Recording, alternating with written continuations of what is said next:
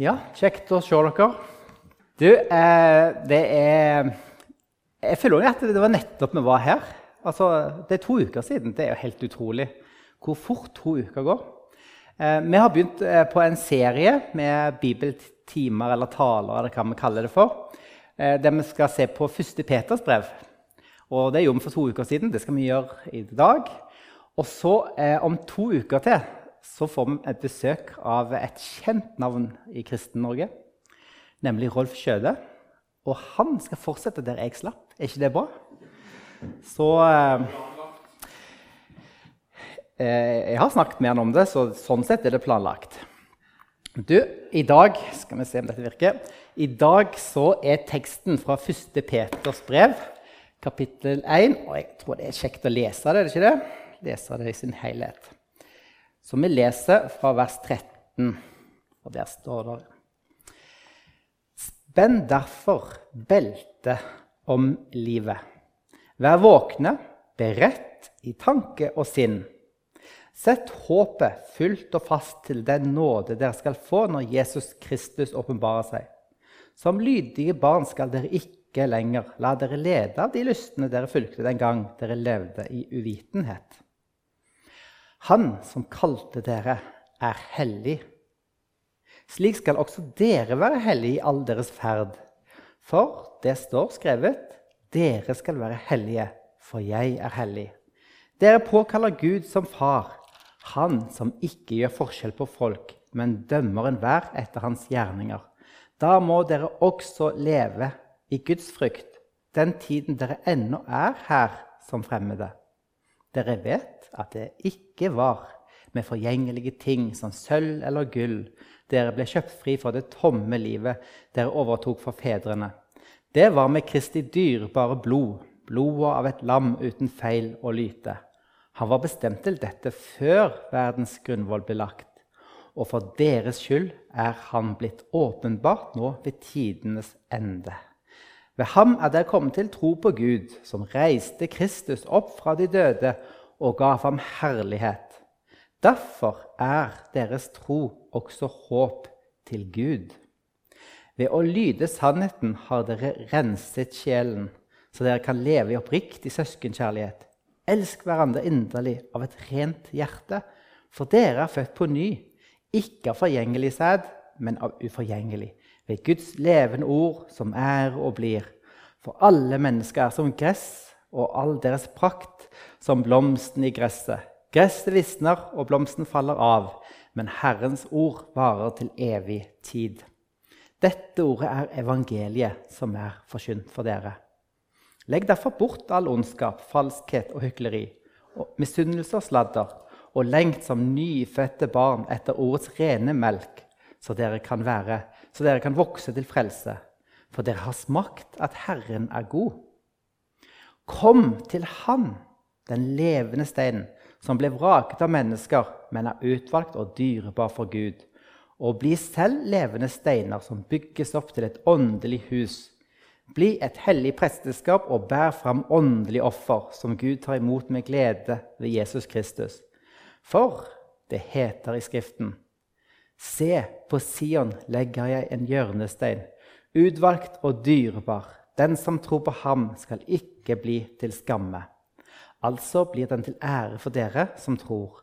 Men for den som ikke tror, er steinen som bygningsmennene vraket, blitt hjørnestein, en snublestein og en klippe til fall. Fordi de ikke er lydige mot ordet, snubler de. Det var de også bestemt til. Men dere er utvalg, en utvalgt slekt, et kongelig presteskap, et hellig folk, et folk som Gud har vunnet, for at de, dere skal forkynne Hans storverk, Han som kalte dere fra mørket og inn i sitt underfulle lys. Dere som før ikke var et folk, er nå Guds folk.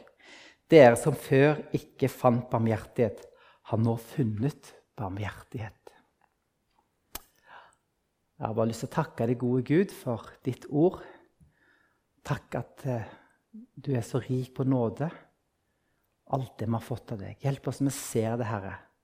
Åpne opp du våre øyne, Herre. I Jesu navn. Ja, det var litt av en tekst jeg leste der. Dere tenker at ja, ja, dere skal tale lenge. det, men eh, det er alltid litt vanskelig når vi skal holde sånn bibeltimer over ett brev. så vi, vi må jo Dessverre har vi ikke sånn på hånda at vi har møte hver søndag, og, og, og, vi kan holde på 15 ganger med første Peters brev, så det blir litt sånn i bolker, og vi prøver å få de store ideene med. Og I dag så har jeg faktisk eh, med tre viktige spørsmål til dere som er veldig inn i tiden, faktisk. Og de tre spørsmålene der er, det er sånn, det er moderne. Det ene er hva er det vi lever for? Altså, Hva er det som er målet vårt? Hva er det vi setter vårt lit til? Hva er det vi lever for?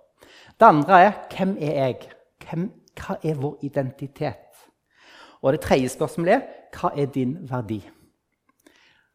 Er ikke dette inn i tiden? Det er sånne spørsmål som liksom er veldig sånn Dette er viktig for for eh, folk i dag. Og eh, Det første vi skal se på, det er dette spørsmålet her. Hva er det vi lever for? Og Når du leser i teksten i dag, så vet ikke om dere la merke til det, men Peter han kommer med noen sånne formaninger. Hva var det han sa? At dere skal være hellige. Vi blir formant til å være hellige. Vi blir formant til å elske hverandre, leve i Guds frykt, Eh, og vi skulle legge bort all ondskap, frelskhet, hykleri, misunnelse og sladder. var det ikke det? For det er litt sånn formaninger som går liksom inn i en, en, del av brevet der Peter eh, liksom har han har noe han vil at de kristne skal tenke på. Noe sånn som Miriam snakket i begynnelsen. De skal ikke bare høre det, men de skal også gjøre det. ikke sant? Sånn at det, eh, det er noen formaninger. Og eh, han begynner med disse versene her. Spenn derfor beltet om livet. Vær våkne, beredt i tanke og sinn. Sett håpet fullt og fast den nåde dere skal få når Jesus Kristus åpenbarer seg.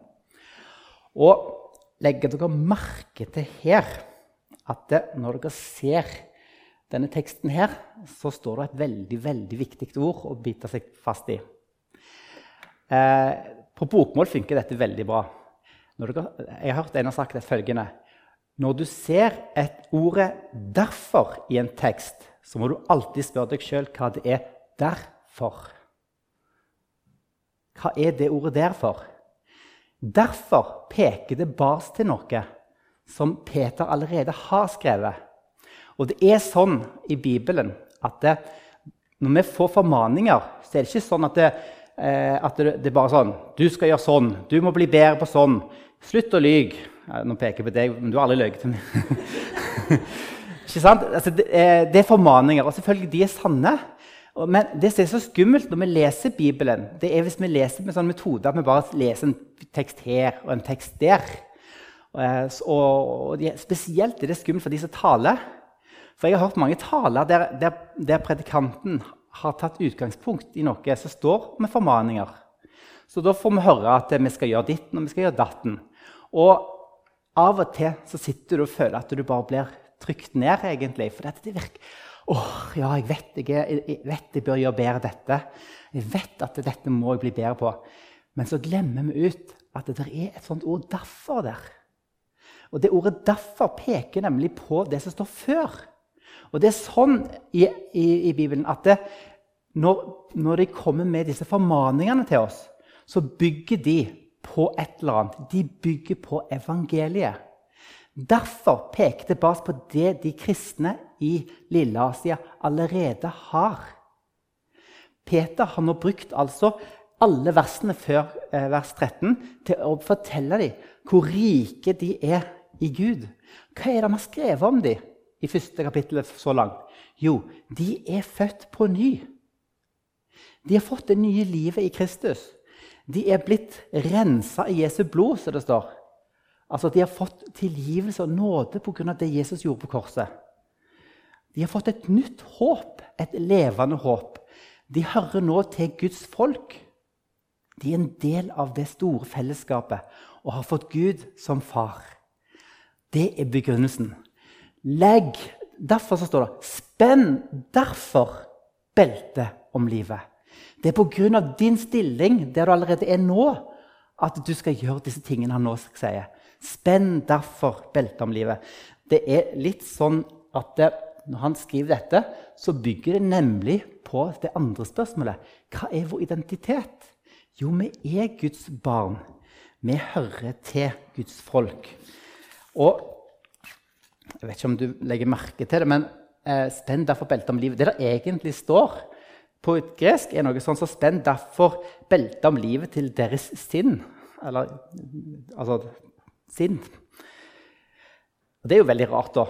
Da er det sånn at det, eh, Den gangen så hadde de kanskje sånn, litt sånn sideklær, sånn skjorter og sånn. Og hvis de skulle eh, være klar til aksjon, de skulle jobbe eller de som måtte ut og krige, eller hva nå det var de måtte gjøre, så måtte de binde opp kjortelen opp om livet, så ikke den sto i veien, så ikke snubla i den. Men det som står her, det er at de skal benne, spenne opp dette beltet om livet til deres sinn.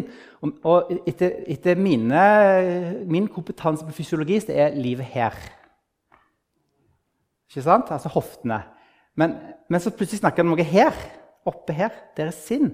Og i, i nei, i Norsk Bibel sin, eh, sin oversettelse står det eh, 'Bind derfor opp om dere, om deres sinn'. Eller i en annen norsk oversettelse står det 'Fest derfor beltet om sinnets hofter'. Sinnets hofter, det er jo litt rart. Men poenget han prøver å få fram, er at du skal spenne opp dette beltet, dette her, dette her, disse klærne for at du skal være klar til aksjon. Du skal være beredt. Det er det det handler om. Og det minner meg veldig om den teksten der, som er henta fra 2. Mosebok, kapittel 12, det var når jødene skulle feire påske, når de skulle ut av Egypt. Så står det slik skal dere spise det, altså lammet, det første lammet, med kjortelen bundet opp om livet, sko på føttene, stav i hånden, spis det i all hast. Det er påske for Herren. Hvorfor skulle de gjøre det?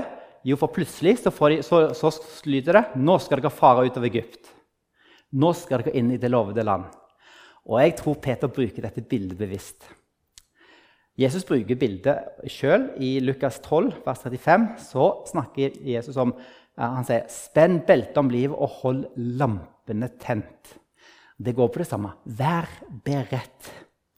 Så spenn derfor beltet om livet. Vær våkne, beredt i tanke og sinn. Sett håpet fullt og fast til den nåde dere skal få når Kristus, Jesus Kristus åpenbarer seg. Vær klar. Ja, hva betyr det? Vær klar. Vi vet at vi vil møte motgang på mange måter gjennom livet. Og Peter han skriver til de kristne i Lille som hadde det tøft på mange måter. Eh, de fleste teologer tenker at den store systematiske forfølgelsen av kristne hadde ennå ikke begynt på dette tidspunktet.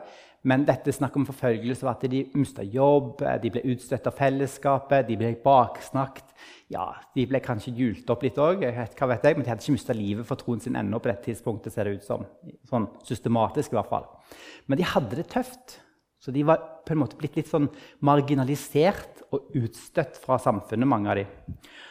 Og det som er Poenget nå, er at når du møter motstand, hvordan reagerer du da? For det fins mange måter å møte motstand på i livet. Men det Peter sier, at de skal være beredt, det tolker jeg sånn at de skal være grunnfesta i ordet. De skal, de skal, være beredt i tanke og sinn med at de skal være bevisst på hva håp de har, hvem de er i Kristus. Så får det bare være at de møter motstand, for de vet at de har noe som er så mye større. Derfor står det òg at de skal sette håpet fullt og fast til den nåde dere skal få når Jesus Kristus åpenbarer seg. Så hva er det vi lever for? Det står faktisk 'sett håpet' på, på det, Sett håpet fullt og fast den nåde dere får når Jesus Kristus åpenbarer seg. Det betyr ikke at det liksom, ja, det er liksom jeg håper litt sånn, Han er, har med Gud litt sånn litt av og til. Eller så er det liksom andre ting som er viktig for meg. og sånt. Nei, det, det, er, altså, det er en kompletthet her. Sett håpet fullt og fast. Når det står fullt og fast, så er det det det betyr. Det er det som skal være det som vi har for øynene. Det er det som skal styre oss i livet. Det er det vi lever for. Vi lever for å ære Gud. Vi lever fordi vi har fått et håp som, eh, som aldri vil forgå. Så hva er vår identitet? var òg et spørsmål. Så sier da Peter som lydige barn skal dere ikke lenger la dere lede av de lystne der fulgte en gang dere levde i uvitenhet. Han som kalte dere er hellig, slik skal også dere være hellige i all deres ferd. For det står skrevet, dere skal være hellige, for jeg er hellig. De levde i uvitenhet. Som jeg sa forrige gang, så trolig de fleste eh, av de som Peter skriver til, er hedninger. Hedningekristne. Og det som var så fint med å oppdage det, det er at eh, Peter skriver til dem på samme måte som han ville skrevet til en jødekristen.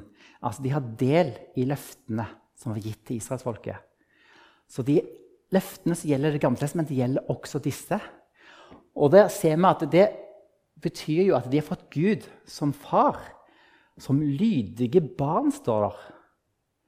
Altså, de er barn av Gud. Det er en stor forandring. Tenk å få være barn av Gud. Og hvis du er blitt barn av Gud, så ønsker du å ære Han. Derfor er det helt naturlig at vi skal være lydige barn. Og Gud, hvem er han? Jo, han er hellig. Det er den hellige Gud. Hva betyr ordet 'hellig' for noe? Det betyr rett og slett at du er satt til side for en hensikt. Det er å være hellig. Gud er hellig fordi Gud er annerledes, betyr det. Gud han er ikke sånn som vi mennesker, som gjør all slags rare ting og eh, dumme ting. Synde, som jeg sier. Men Gud er annerledes, og vi òg skal være sånn. Jeg skal gi et eksempel som illustrerer dette med ordet 'hellig'. For Her på Hornland har vi kjøpt sånn, eh, sånn Det er sånn det dåp Nei, nei, det nattverd var det. Sånn eh, skål.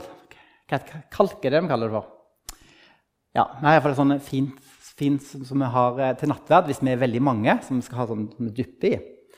Og, og den er, har en hensikt den er satt til side for nattverdsbruk. En dag så fant man ikke her. Vi leita og leita og leita.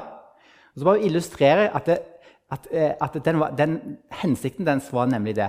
Men hvor fant man henne? Jo, vi fant den på piano med blomster oppi. Da skjønner dere at det, det var ikke det som var hensikten til denne. Den var satt til side for å brukes til nattverd.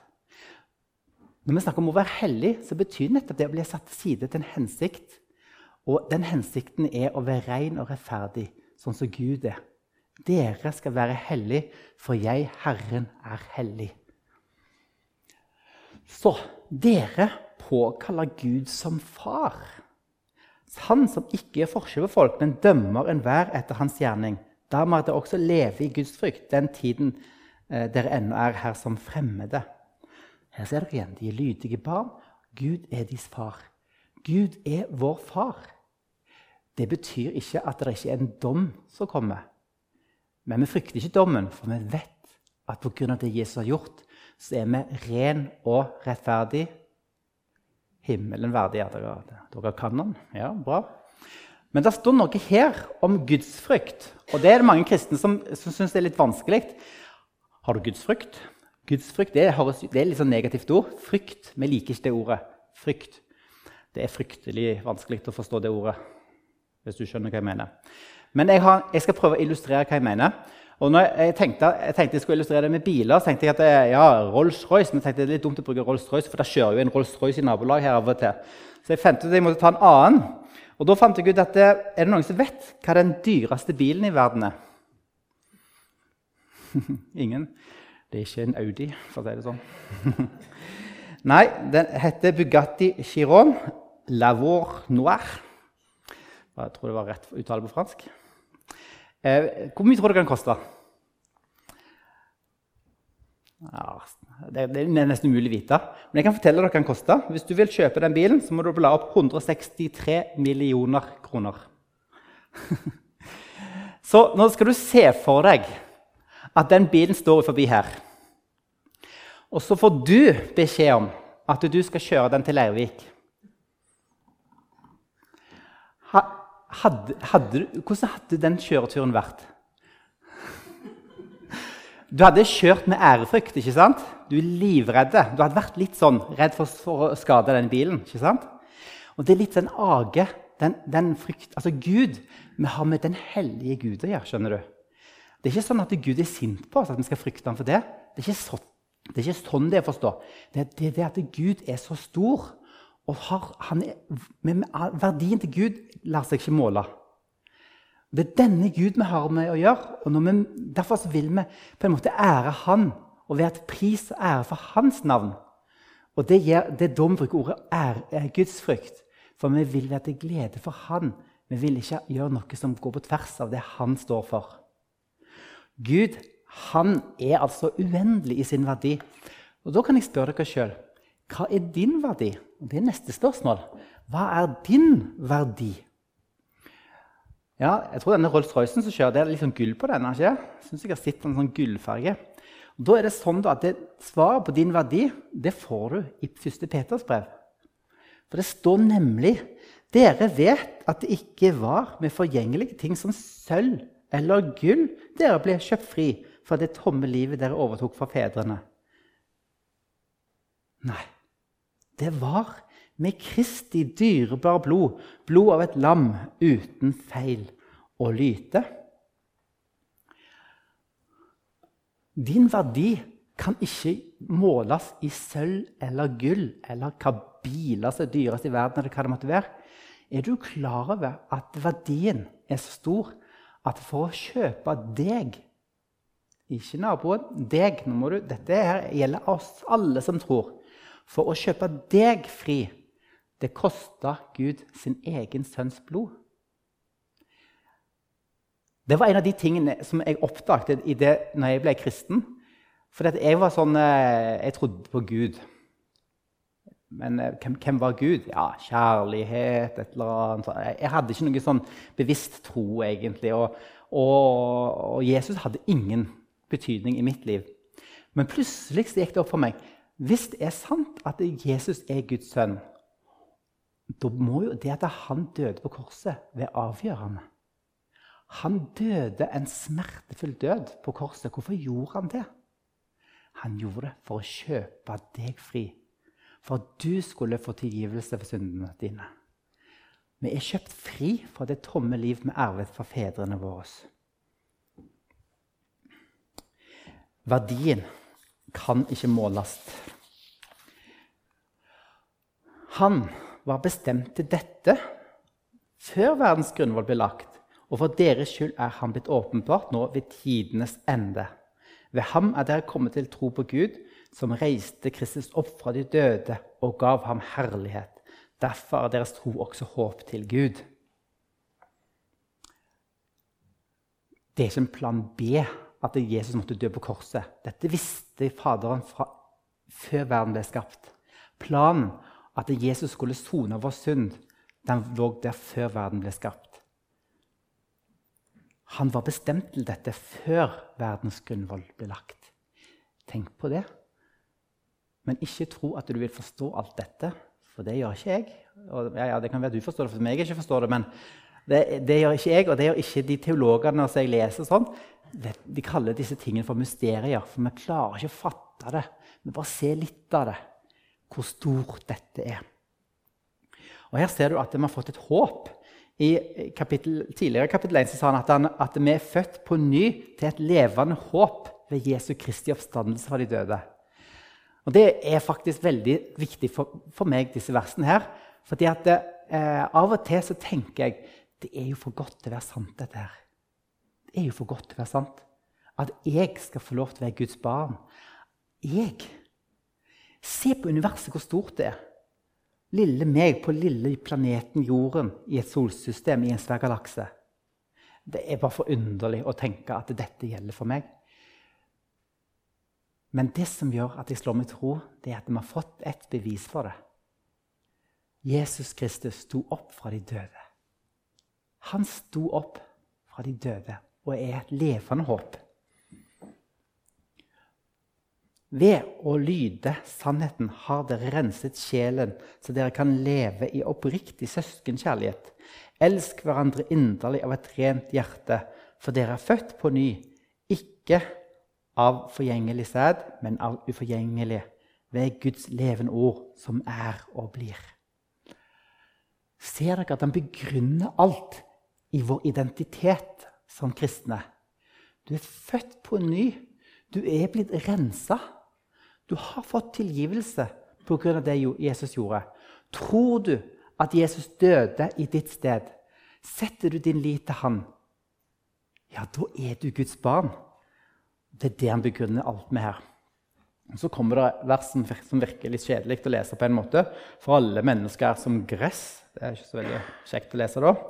Og all deres prakt som blomstene i gresset. Gress visner, og blomsten faller av, men Herrens ord varer til evig tid. Dette er jo fra Jesaja 40, det blir sitert, der det står om Johannes først som skal rydde vei. Og så kommer dette. Og poenget er at det er dette ordet som det er snakk om, det er evangeliet. Vi er mennesker. Vi er forgjengelige. Altså, vi dør. Men hvis du tror på evangeliet, så er du født på ny. Og dette skjer ved Guds ord. Du er født på ny og har fått det nye livet. Så kontrasten her er ja, dette er sånn som er i oss sjøl. Men Gud har gjort noe. Det er skjedd noe. Så er spørsmålet da hvordan skal vi få dette til å henge i hop. Og vi hadde det fine spørsmålet hva er det vi lever for. Vi hadde dette håpet vi skulle leve etter. Sette vårt håp fullt og helt. Så hva er det egentlig vi lever for? Det står Legg derfor bort all ondskap, står der. Falskhet og hykleri, misunnelse og sladder, og lengt som nyfødte barn etter ordets rene melk, så dere kan vokse til frelse, for dere har smakt at Herren er god.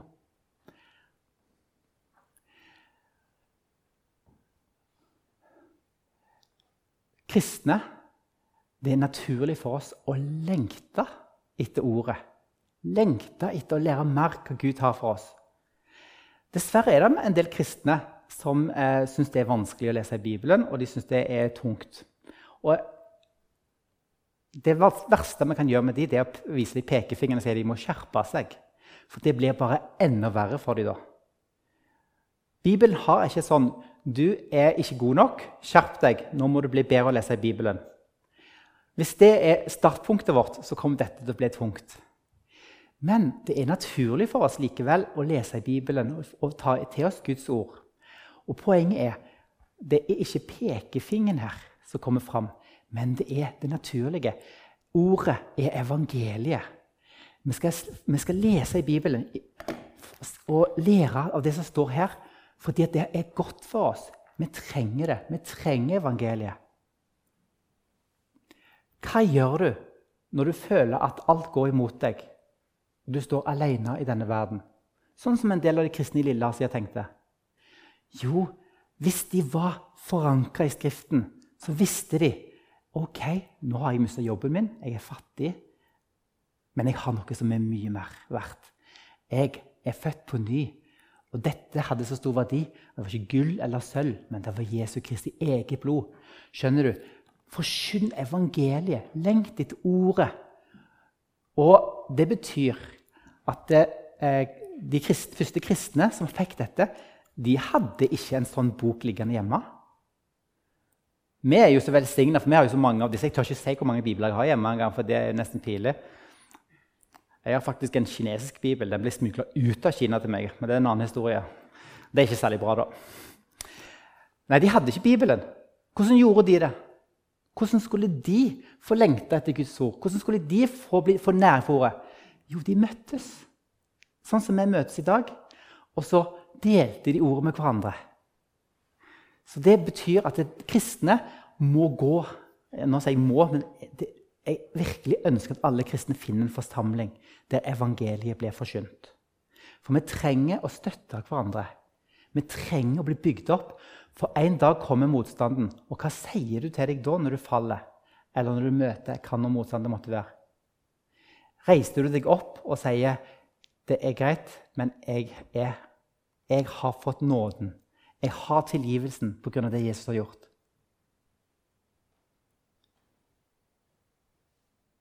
den som er forankra i Skriften, som, som har evangeliet innabords, vet at når anklagen kommer mot deg, når samvittigheten fordømmer deg, eller når andre forteller at du ikke er god nok, så vet du bare automatisk at 'jeg er ikke god nok i meg sjøl'.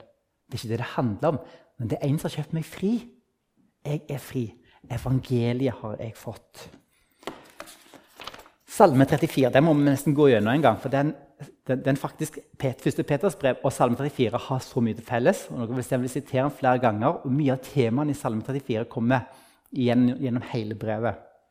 Så det jeg sier, det er at det, vi som kristne vi er ikke bare oss sjøl, men vi hører til et fellesskap. Og derfor sier han, 'Kom til Han, den levende steinen', det er Jesus, 'som ble vraket av mennesker, men er utvalgt og dyrebar for Gud'. Jesus ble vraka. Han møtte motstand. Ja, faktisk så ble han dømt til korsets død. Det er han vi følger. Så hvis vi møter litt motstand, så blir vi ikke overraska, for vi er jo disipler av han. Å bli levende steiner som bygges opp til et åndelig hus. Ordet 'steiner' her får oss til å tenke på et hus, og kanskje ikke hvilket som helst hus, men tempelet. Og da er det sånn at Vi, vi kristne vi er ikke sånne, sånne steiner som spredt rundt omkring. Vi er, hører sammen i et fellesskap. Og hjørnesteinen her, hvem er det som alt bygges ut fra? Jo, det er Kristus sjøl. Og derfor så sier jeg For det heter Skriften, se på Sion legger jeg en hjørnestein, utvalgt og dyrebar. Den som tror på ham, skal ikke bli til skamme. Altså blir den til ære for dere som tror. Men for dem som ikke tror, er stein som bygningsmennene eh, vraket, blitt hjørnestein, en snublestein og en klippe til fall. Fordi de ikke er lydige mot ordet, snubler de. Det var de også bestemt til. Jeg tror at når Peter skriver dette og tar fram dette med steinen som bygningsmennene vraket, så tror jeg han tenker litt på situasjonen som de kristne i Lilleasia var i de var nok på dette tidspunktet en margan, marginalisert gruppe. Og de, og de, har sikkert fått spørsmål ja, dere tror jo på dette her med Jesus, og greier og sånn da, men dere er jo ikke jøder. Hvis dere sier at Jesus er Messias, hvorfor er ikke alle de jødene rundt omkring her i Lille Asia som går i synagogen rundt omkring, hvorfor er ikke de med dere? Hvorfor er ikke de blitt kristne? Nei, det er faktisk sånn da, at det, det, er noen som tar imot evangeliet, men ikke alle. Hjørnesteinen ble altså eh, eh, ble altså eh, avvist av mange. Den som tror på ham, skal ikke bli til skamme. Hjørnest, eh, og så står det altså blir den til ære for den som tror, men for den som ikke tror, er steinen som bygningsmennene vraket, blitt, eh, blitt hjørnestein, en snublestein og en klippe til fall. Her er det to sitater. Det ene er fra Jesaja 28. Og det, jeg tenker at De første kristne i Lilleasia de de må ha vært veldig gode, sterke i ordet. For Han bruker så mange sitater fra Gammeltestamentet, Peter. Men eh, man må huske på at Det er ikke en bok som er bare skrevet til jøder. Men den, den gjelder òg oss. Peter bruker Gammeltestamentet aktivt. Så til slutt Men Og dette er så fint. Dette, dette er tatt fra hos profeten Hosea, egentlig, det, det bildet han tar her. Men dere er en utvalgt slekt, et kongelig presteskap, et hellig folk. Et folk som Gud har vunnet for at dere skal forkynne Hans storverk. Han som kalte dere fra mørket og inn i sitt underfulle lys. Dere som ikke var et folk, er nå Guds folk. Dere som ikke fant barmhjertighet, har nå funnet barmhjertighet. Vi hører til Guds folk. Vi er blitt prester. Er det noen som kjenner seg som en prest her i kveld? Eller i dag? Ikke i kveld. Det er lenge siden det Hva er en prest for noe? En prest er en person som har adgang, tilgang til Gud. I Gammeltestamentet hadde vi jo prestene som kom fra Levis stamme. ikke sant? De tjenestegjorde i tempelet. De var sånn at de kunne gå fram og hadde adgang til, til det til helligste, og, til, og, en av de da, til det aller helligste en gang i året. De hadde adgang. På den måten kunne de òg ofre på vegne av folket. Og nå, nå, nå, kaller Peter oss alle for prester. Det betyr at du har adgang til Gud. Er du klar over det? Du har adgang til Han. Det er det det betyr. Med et hellig folk. Et kongelig presteskap, står det. Og vi hører Han til. Så spørsmålet vårt var hva er det vi lever for? Vi lever fullt og helt 100% for Jesus og det håpet vi har i ham. Det er det som er det viktige. Det er det vi styrer livet vårt etter. Hva er vår identitet? Vår identitet Vi er frikjøpt. Vi er tilgitt. Vi har tilgang til Gud. Vi har funnet nåde. Vi er Guds folk. Hva er vår verdi? Den er uendelig. Den kan ikke måles i ord. Det koster Jesu dyrebare blod for å kjøpe deg fri. Gode Jesus, takk for din nåde. Takk, himmelske Far, for alt det du har gjort for oss, din kjærlighet. Hjelp oss, Herre, til å se enda klarere hvem vi er, hva verdi vi har, og hjelp oss til å leve for deg, Herre. Amen.